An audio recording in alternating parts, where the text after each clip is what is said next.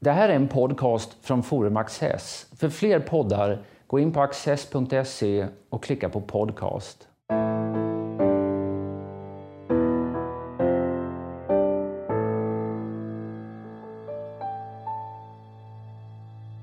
Välkomna till Studio Access.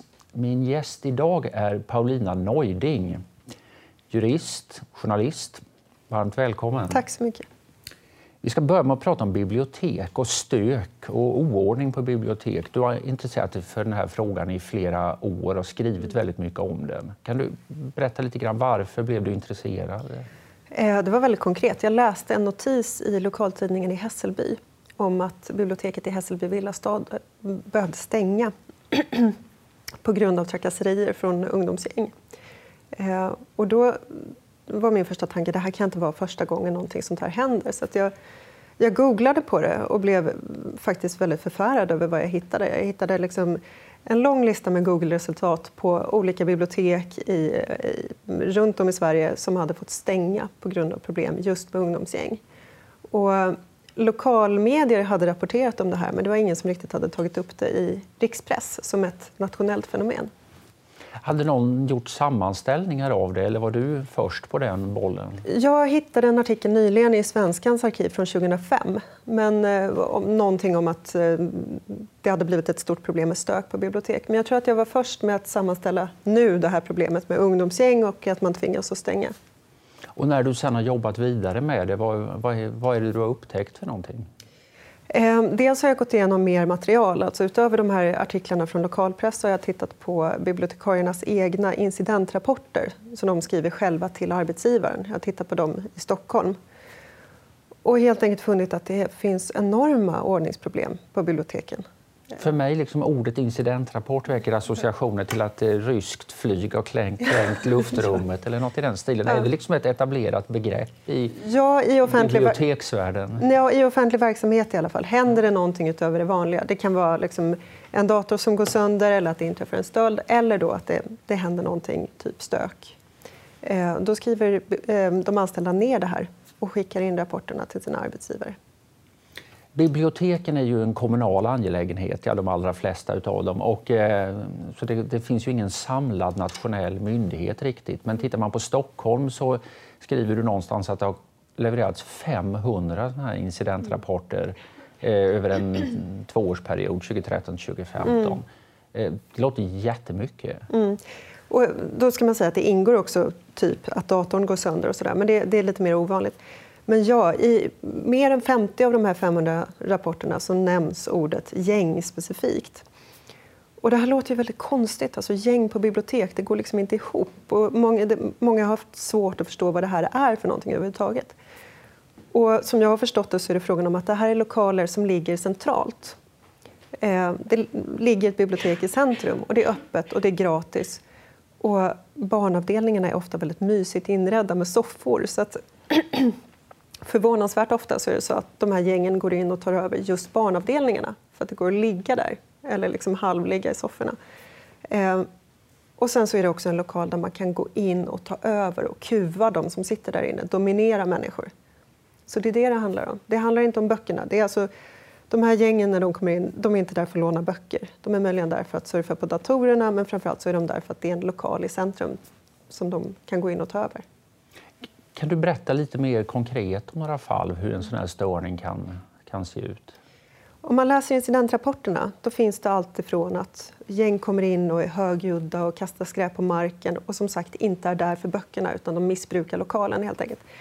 Men eh, för att nämna Kista bibliotek i Stockholm till exempel, där, där har det inträffat att eh, ett gäng kommer omringar en anställd, eh, kommer med grova sexuella hot, säger jag ska döda dig Ehm, så att det, det är allting i spannet däremellan.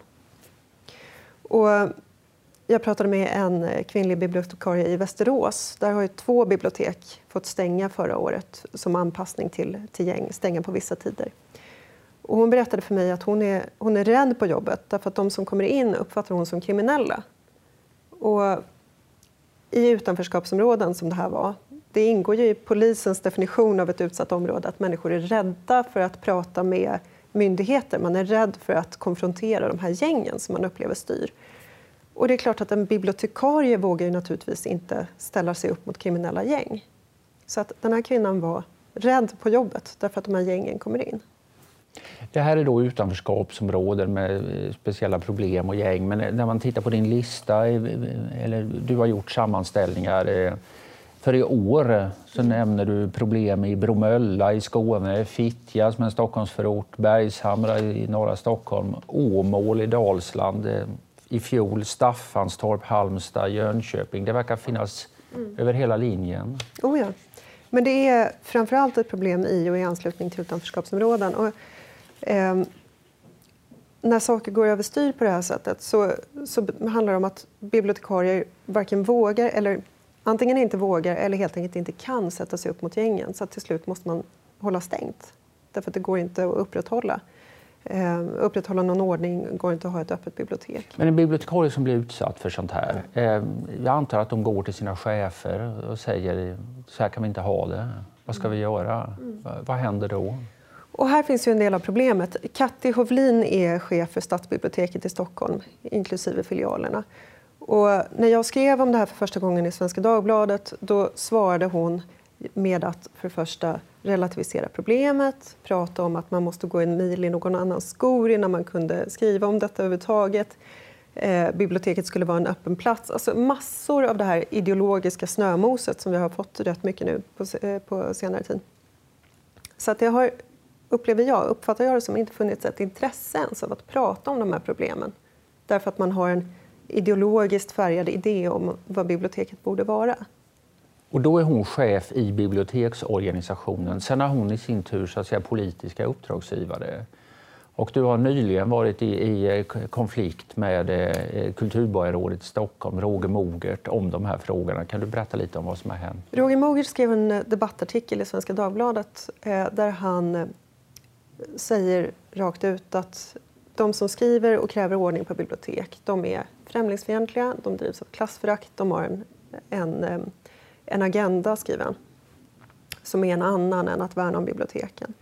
Dessutom, intressant nog, så, eh, så lever han sig in i... Eller, han eh, identifierar sig med förövarna. Han säger ja, men jag var också en ung arbetargrabb och kanske inte heller visste hur, hur alla koder eller hade läst alla böcker och vi måste ju också ha en plats på biblioteken. Så att det är ett enormt relativiserande. Och att Kulturborgarrådet det är rätt talande, identifierar sig med de här förövarna. Inte med invandrartjejer som behöver biblioteket för att plugga, som inte kan plugga på biblioteket för att det är för stojigt eller farligt. Utan det, det är de här eh, framförallt de manliga ungdomarna, unga männen, som han identifierar sig med. Det är rätt talande. Och det lite paradoxala i det där sista det är ju att när man läser den där artikeln då är det uppenbart att han själv tyckte det var lugnt och skönt och intressant att vara på bibliotek. Mm. Så han hugger på något sätt kniven i ryggen på sitt eget yngre jag. Precis. Och solidariserar sig istället med dem som bråkar och förstör den möjlighet som han Exakt. då hade. Det är väldigt konstigt. För så har det varit rent konkret. I Hässelby villastad har tjejer som sitter och pluggar inte kunnat göra det på grund av de här gängen. Alltså, de som skulle kunna använda biblioteket för att göra en klassresa kan inte göra det på grund av de här killarna. Och återigen, man låtsas på något sätt att de här killarna är där för böckerna men kanske inte riktigt vet hur man gör. Och det är en felaktig bild. De här killarna som omringar en vikarie och säger jag ska döda dig eller kommer med sexuella hot, de är inte där för att låna böcker. Det är inte så att de bara har missuppfattat en kod om hur man gör när man lånar böcker, utan det är något helt annat. Och detta är man då, är det någon allmän företeelse, det här mogert? Är det så eh, kommunalpolitiker brukar låta när de konfronteras med de här eh, frågeställningarna? Eller förvånansvärt här... ofta. Ja. Jag pratade med kommunstyrelsens ordförande i eh, Västerås också om de här två biblioteken som fått stänga på vissa tider i Västerås. Det gjorde jag i december förra året. Eh, och det var samma sak där. Det var en ovilja att erkänna problemet, det var ett evigt relativiserande man fick inte prata skit om, om Bäckby då, som är utanförskapsområde i Västerås.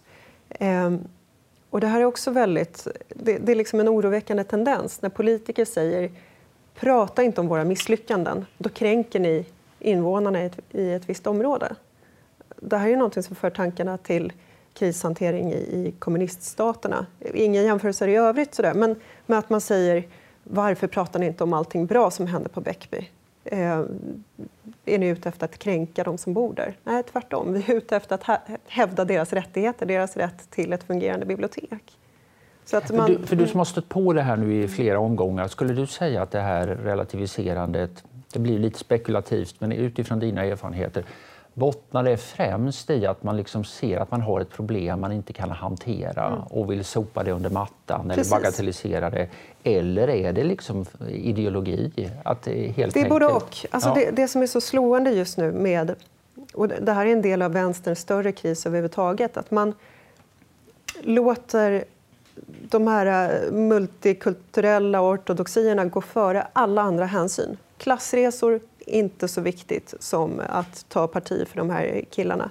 Eh, kvinnliga bibliotekariers arbetsmiljö, eh, inte lika viktigt. Feministiska hänsyn, inte alls lika viktigt. Alltså alla andra hänsyn kastas ut genom fönstret därför att man vill försvara eh, hur det har blivit i utanförskapsområden. Man vill låtsas som att det här projektet fungerar jättebra, det finns inget att se här. Det finns ju motreaktioner. Och det är till exempel det är väl framförallt Liberalerna i Stockholm som har, liksom har varit aktiva i den här frågan hittills. Och, och Moderaterna nu också? Ja, precis. Men det, Liberalerna har väl varit först, så att säga, vad jag liksom har mest eh, på, först på plan i detta. Och bland annat argumenterat för att man som en eh, ja, i sista åtgärd verkligen ska kunna porta folk ifrån bibliotek. Man kan naturligtvis ha en massa eh, funderingar kring hur det ska gå till i praktiken, men i ett principiellt perspektiv så får de mothugget av de fackliga företrädarna för bibliotekarierna som säger att nej, nej, det här är en plats där alla ska vara välkomna ehm, och därför kan vi inte porta någon. Mm. Hur ser logiken ut här? Eh, Einar En, som är bibliotekarie i Vällingby och Hässelby villastad, han uttryckte det väldigt bra i en debattartikel i Svenska Dagbladet. Han sa att man, man ser biblioteket som någon slags magisk plats. Att det finns en eh, civiliserande, demokratiserande effekt bara av att man kommer in genom dörren på biblioteket. Eh, och därför så säger man att alla ska kunna komma in, därför att det är så demokratiskt viktigt och så vidare. Eh, men det är ju tvärtom. Vi måste ju skydda biblioteket som en demokratiserande, civiliserande plats om, den ska kunna ha, om det ska kunna ha den funktionen överhuvudtaget. Så där ligger ett missförstånd. Att man tror att så länge biblioteket är öppet för alla som vill missbruka lo eh, lokalerna så kommer alla dessa människor på något magiskt vis att, eh, att få del av, av någon slags positiv effekt. Tanken går lite grann här till den här museidebatten som har varit aktuell på sistone. Där liksom eh, fotfolket på museerna är angelägna om samlingarna och får berätta om vad man har och, och eh, upplysa intresserade personer om eh olika ämnesområden.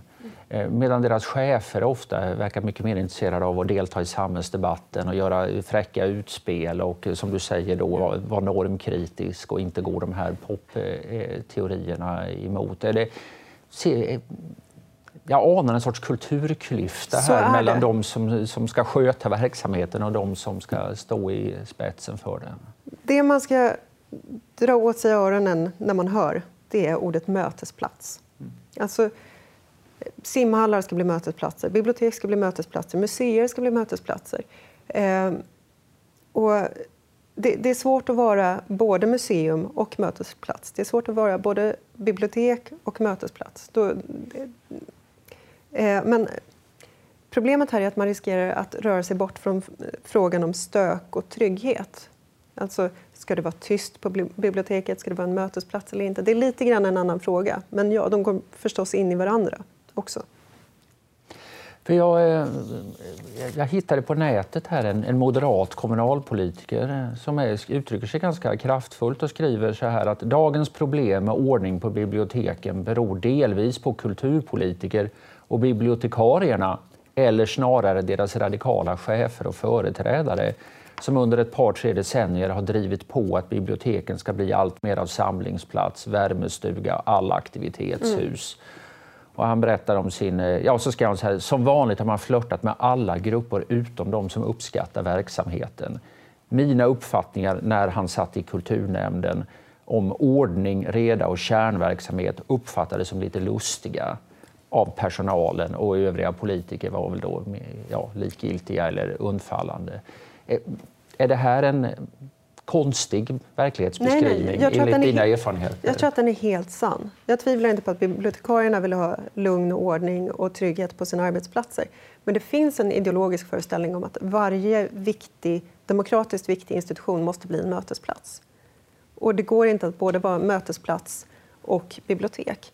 Och det här beror på att vi har fått så pass stora sociala problem i samhället, så pass mycket social oro och social utslagning, så att det går inte att vara båda de här sakerna samtidigt. Det hade kunnat fungera i en, i en tryggare och lugnare tid, men det fungerar inte nu. Du började jobba mer systematiskt med de här frågorna för ett par år sedan. Mm.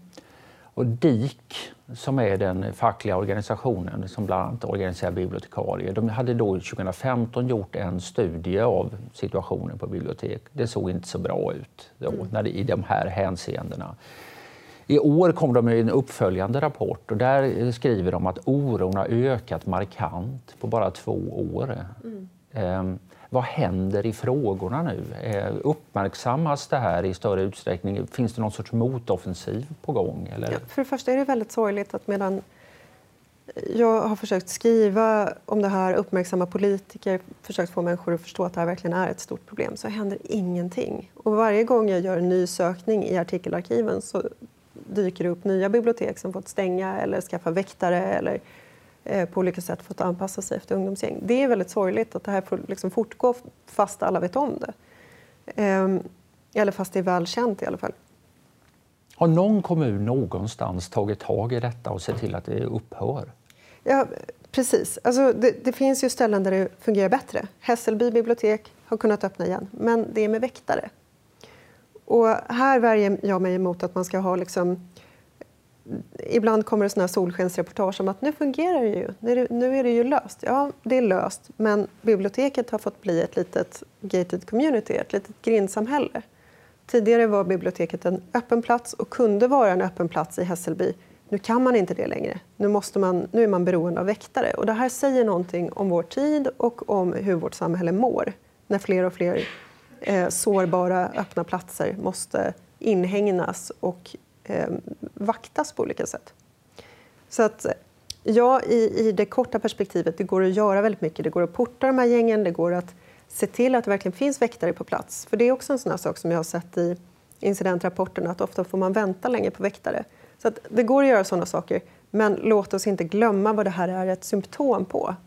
Ja, ska vi röra oss lite i den riktningen? Så att säga. Vad är, eh, är det här en biblioteksfråga Absolut egentligen? Inte. Eller, för du har skrivit även om andra sorters eh, störningar av, den, eh, av ordningen och hur institutioner som en gång var verkligen sågs som allmännyttiga fick vara i fred, eh, hur de är utsatta numera. Du har ja, akutmottagningar på sjukhus, Precis. du nämnde badhus själv som verkar vara väldigt stökiga mm. platser numera.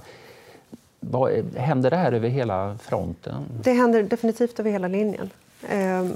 Det är bara att titta på... Nu har det varit en debatt om det här med akutmottagningarna efter att eh, Karolinska har stormats av, eh, av eh, så kallade anhöriga till skjutna kriminella. Men det här, ja, vi skrev om det här på Svenskans ledarsida redan för två år sedan om hur akuten i Malmö stormats just efter skjutningar. Hur man börjat utrusta personalen med larm och i Malmö finns numera genomtänkta flyktvägar för personalen. Man har låst dörrarna vid tillfällen. Samma sak på Karolinska i Stockholm. Man har fått placera ut poliser vid BB för att skilja liksom den här mobben från födande mammor. Så att det här är en ny situation över hela linjen i Sverige. Och vi ska liksom inte lura oss och tro att i områden där det brinner bilar och där människor skjuter på varandra och där vi har börjat få något slags klanstyre att att det här är isolerade fenomen utan det spiller ju över på resten av samhället. Har du den typen av stora sociala problem och den typen av problem med kriminalitet, då kan inte biblioteket vara oskyddat längre. Då kan inte sjukhuset vara oskyddat längre. Då kan inte badhuset vara det heller. Så det, är ett, det är ett stort fenomen. Men betyder det att det är ett, liksom ett samhällsproblem som kräver en, vad ska man säga, man måste komma till rätta med hela den sociala situationen och en utslagnings och marginaliseringsproblematik. Mm. Att det, det, går inte att lösa en, biblioteksproblemet, eller badhusproblemet eller sjukhusproblemet. Utan mm. där är det kört för respektive dem. Vi, vi har, kommer att ha väktare på badhus. Vi, vi kommer att ha världens mest bildade väktare som sitter på bibliotek hela dagarna. Eh, eh, eh, ja, tills mm det stora sociala problemet är löst. Men vi hade ju jättestora sociala problem i Sverige på 30-talet. Det var ingen som stormade, eller 20 det var ingen som stormade folkbiblioteken då. Nej, vi, vi har enorma problem. Jag menar, tänk att det här är områden där man angriper blåljuspersonal. Och det är en tanke som vi har vant oss vid. Men om, om man tänker på det, vad är det som krävs för att man ska börja slå en ambulansförare? Eh, vad är det som krävs i, liksom, i termer av eh, hat för, för att ge sig på människor som kommer till ens område för att rädda liv. Ehm, så att problemen är väldigt stora. Och nu sände eh, SVT Nyheterna häromdagen bara ett reportage från just Hässelby bibliotek där man berättar att här har det blivit så bra och det är så fint. Och jag är verkligen emot den här typen av solskensreportage där man misstar nya grindar, nya liksom inhägnader för att vara en lösning. Vi måste också, dels måste vi lösa problemen konkret. Ja, vi behöver väktare. Men vi måste också se vad det här säger om vårt samhälle. Att vi behöver de här nya kontrollerna, grindarna, väktarna och så vidare. Jag känner bara att det, problemen kan bli en övermäktiga på något sätt. Eh, Men det tror jag om, man tycker, är. om man tycker om bibliotek och man vill att det ska vara lugnt fint på biblioteket eh, kan man inte hoppas på det förrän liksom vi har ett helt annat samhälle. Mm. Jag tror att ett skäl till att människor upplever sig vara så otrygga i Sverige just nu är att vi befinner oss mellan det öppna och det slutna. Om tio år så är det möjligt att vi har väktare och larmbågar och allt möjligt på alla bibliotek. Och då kommer vi känna oss trygga igen. Men ja. nu befinner Alternativt vi oss... kommer skattebetalarna så småningom att säga varför ska vi finansiera ett ställe ja, där gäng och väktare med ingen annan hänger? Liksom. Såklart, man går ja. till Hedengrens istället och sen så så behöver man inget bibliotek. Ja, nej, men det blir väl en sorts exit ifrån alla de här ja, ställena. Badhus där, dit man inte vågar sig, dit kommer ju ingen att gå. Utan nej, då, då går man på spa något... istället liksom, ja, när, man, när man vill gå med familjen. Och dit tror jag att vi är på väg.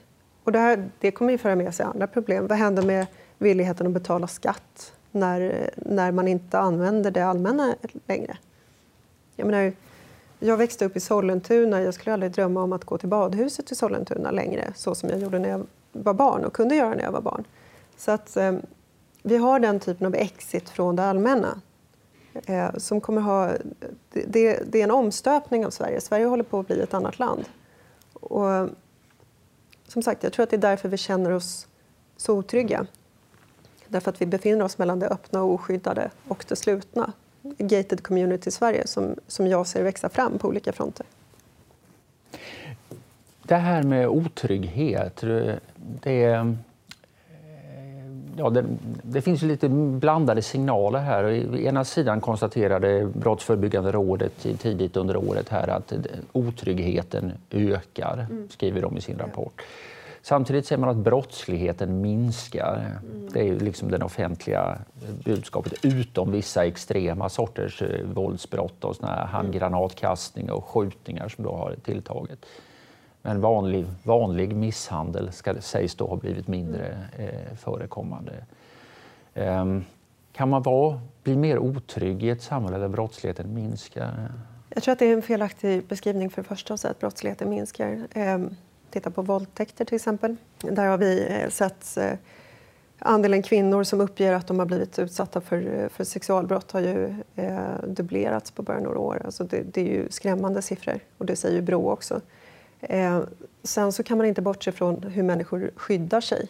Alltså, eh, nu har vi ju eh, villalarm, vi har kameraövervakning av våra hem på ett helt annat sätt än vad man hade för 20 år sedan. Och det, det förändrar naturligtvis eh, förutsättningen för brottslighet. Det betyder inte att vi har blivit tryggare. Det kan vara så att vi skyddar oss på ett nytt sätt.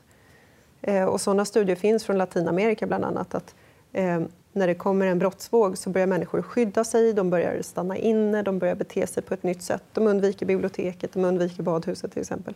Ehm, det betyder inte att de här miljöerna har blivit tryggare, det betyder att vi undviker att utsätta oss för risker. Så att, ehm, det är min stora invändning mot det här eh, påståendet om att Sverige skulle vara tryggare. Därför att jag ser ju hur vi skyddar oss på helt nya sätt.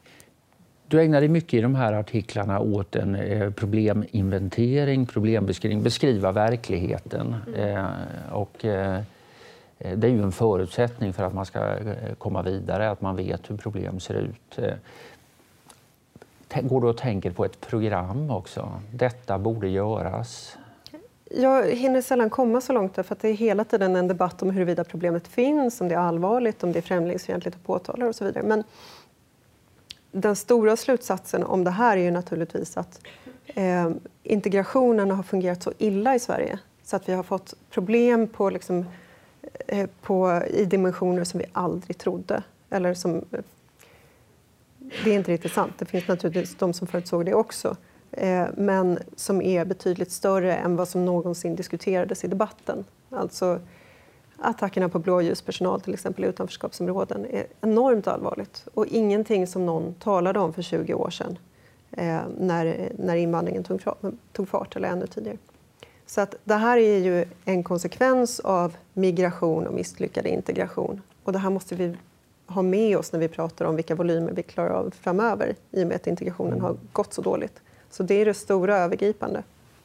Men också antar jag en ökad prioritet åt, eh, för oavsett hur den framtida migrationen ser ut så finns det ju många människor här som, är, ja, som inte är väl integrerade i det svenska samhället. Så det krävs ju väl ett batteri av åtgärder över hela, mm. hela linjen föreställer jag mig i så fall. Precis, och där har, vi varit, vi, där har man varit alldeles för lättsinnig. Alltså, nu lanserar vi de här instegsjobben eller det här lyftet eller det här hit och dit. Och så har det här framförts, varje nytt projekt har framförts som det stora projektet för att lösa integrationen och ingenting har funkat. Och då har det dessutom eh, varit riskabelt för oss journalister eller opinionsbildare att skriva och ifrågasätta och tala om de här olika projekten och säga men tänk om det inte funkar? Tänk om det går precis som det har gjort hittills? Tänk om utanförskapet bara växer och fördjupas? Vad gör vi då? Så att här måste vi verkligen integrationen är helt avgörande för vilken väg Sverige tar. Ehm, och det är verkligen dags att vi börjar titta på best practice i världen och granska den här eh, frågan på ett öppet och förutsättningslöst sätt. Hur tar vi oss ur den här situationen som vi har försatt oss i? All right. Paulina Neuding, stort tack. Tack.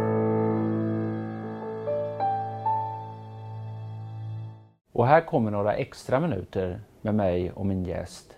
Alltså en tanke eh, jag får det är att det, det handlar naturligtvis om en politikmisslyckande på en rad olika områden. Ehm, det finns kanske någon sorts attitydmisslyckande också som går utöver ehm, de formella politiska besluten och församlingarna som kan ha att göra med det här med synen på auktoritet i ett samhälle. Att, eh, att liksom det har varit en, en, ett visa i alla möjliga olika sammanhang nu att ifrågasätta all auktoritet, att utöva auktoritet är att vara auktoritär. Mm. Den som hävdar en ordning är en förtryckare. Och nu visar det sig att frånvaron av den där auktoriteten innebar inte eh, gröna ängar och eh, glad, glad samvaro enkom, utan att det uppstår. Människor tar sig friheter när ordningen inte existerar. Så är det definitivt också. Alltså det här vet ju alla pedagoger att om du har en regel om att du tar av dig mössan inomhus så kanske du inte behöver diskutera att man inte ska ha skorna på, på soffan. Därför att du har redan dragit en gräns eh, i, i liksom en vidare cirkel kring de, de faktiska, eh, det riktigt dåliga beteendet, så att säga. Eh, och på biblioteken har det blivit så att eftersom det bara är det rent störande eller det rent kriminella som, som får beivras av bibliotekarier. Bibliotekarier får inte kräva tystnad, de får inte kräva det ena eller det andra. Eh, så, så... Vänta lite, får inte? Ja, man, det, det, är väl, får, får de säkert, men det finns en, någon slags idé om att man inte ska göra det här. Det ska inte vara du nämnde Västerås, och mannen som är chef eh, i, för biblioteken i Västerås. Han blev ju känd här om året för att ha eh, talat ironiskt eller kritiskt om tysthetsnormen. Precis. Den här helt förlegade tanken att det skulle vara tyst och ordentligt på bibliotek. Mm. Och det är klart att eh, som signal till medarbetare är väl det inte så. Mm. Eh, ja, och där, där, tror jag att det är, det är mycket enklare att upprätthålla ordning om man har en auktoritet och om man kan dra en mycket vidare cirkel kring vilket beteende som inte är acceptabelt. Om det inte är okej att prata högt så behöver man sen inte ta en konflikt om att det inte är okej att liksom, skrika hora. Det, det, liksom, det blir mycket lättare. Eh, och det här förstod folk förr och det här har vi bestämt i vår liksom, radikala idé om hur jämlikhet ska se ut. Att det här eh, ska, vi, eh, eller ska man då riva ner. Så jag håller med om din problembeskrivning. Det är den här radikala bilden av att auktoriteter alltid är dåliga. Eh, det är alltid ett problem att avkrävas vissa ritualer eller vissa beteenden i en del miljöer därför att det är förtryckande på olika sätt. Jag föreställer mig att förskola och skola spelar väldigt stor roll i det här sammanhanget. Det är liksom de första varaktiga vuxenkontakterna man har utanför eh, hemmet. Och om det redan tidigt eh, där finns en låt gå-attityd och att det kan vara lika synd om den som skriker som om den som blir skriken åt. Så att ja, säga. Då är det svårt att vända detta i senare skeden. Nej, men det, skolan, det... Den stackars skolan ska lösa alla samhällsproblem men, det, men liksom det här kanske är ett som den verkligen mm. har en nyckelroll mm. för. Vi behöver gott uppförande, vi behöver hänsyn. Det räcker inte att lära människor, lära barn eh, någon, liksom, den värdegrund som är mest angelägen för dagen i den politiska debatten utan eh, vi behöver fostra unga och umgås med, med andra människor. Och uppenbarligen så, så, lyckas inte den svenska skolan med det idag. Inte med det heller, Nej, får man med det heller. matt tillägga. Ja, och det framgår ju också av PISA, intressant nog. Alltså, PISA visar ju inte bara fallande skolresultat utan den visar också att svenska elever hör till de som är sämst på att komma i tid, på att eh, bli tysta när läraren kommer in i klassrummet. Eh, man måste vänta väldigt länge innan lektionen kan sätta igång. Alltså det här disciplinära problemet som vi har i den svenska skolan, det framgår också i PISA. Ja, en annan intressant, det där är ju helt riktigt, och en annan mycket intressant aspekt av PISA det är ju att både lärare och elever är, är övertygade, mer övertygade i Sverige än någon annanstans om att det går bra och att de gör ett jättebra arbete. Mm. Samtidigt som då kvittot är resultatet, eh, på resultatet är ganska deprimerande. Mm. Det ingår någon sorts eh, systematiskt självbedrägeri i den här moderna svenska modellen också. Mm. Det finns en, en chauvinism i Sverige kring barn och barnuppfostran. Att vi har liksom en sån enastående barnkultur. Jag vet inte om vår barnkultur är så mycket bättre än den engelska. Jag är inte så säker på det alls. Eh, vi har, har liksom en uppfattning om att vår skola är fantastisk fast den bevisligen inte är det. Så det, det är en chauvinism som vi ägnar oss åt i Sverige.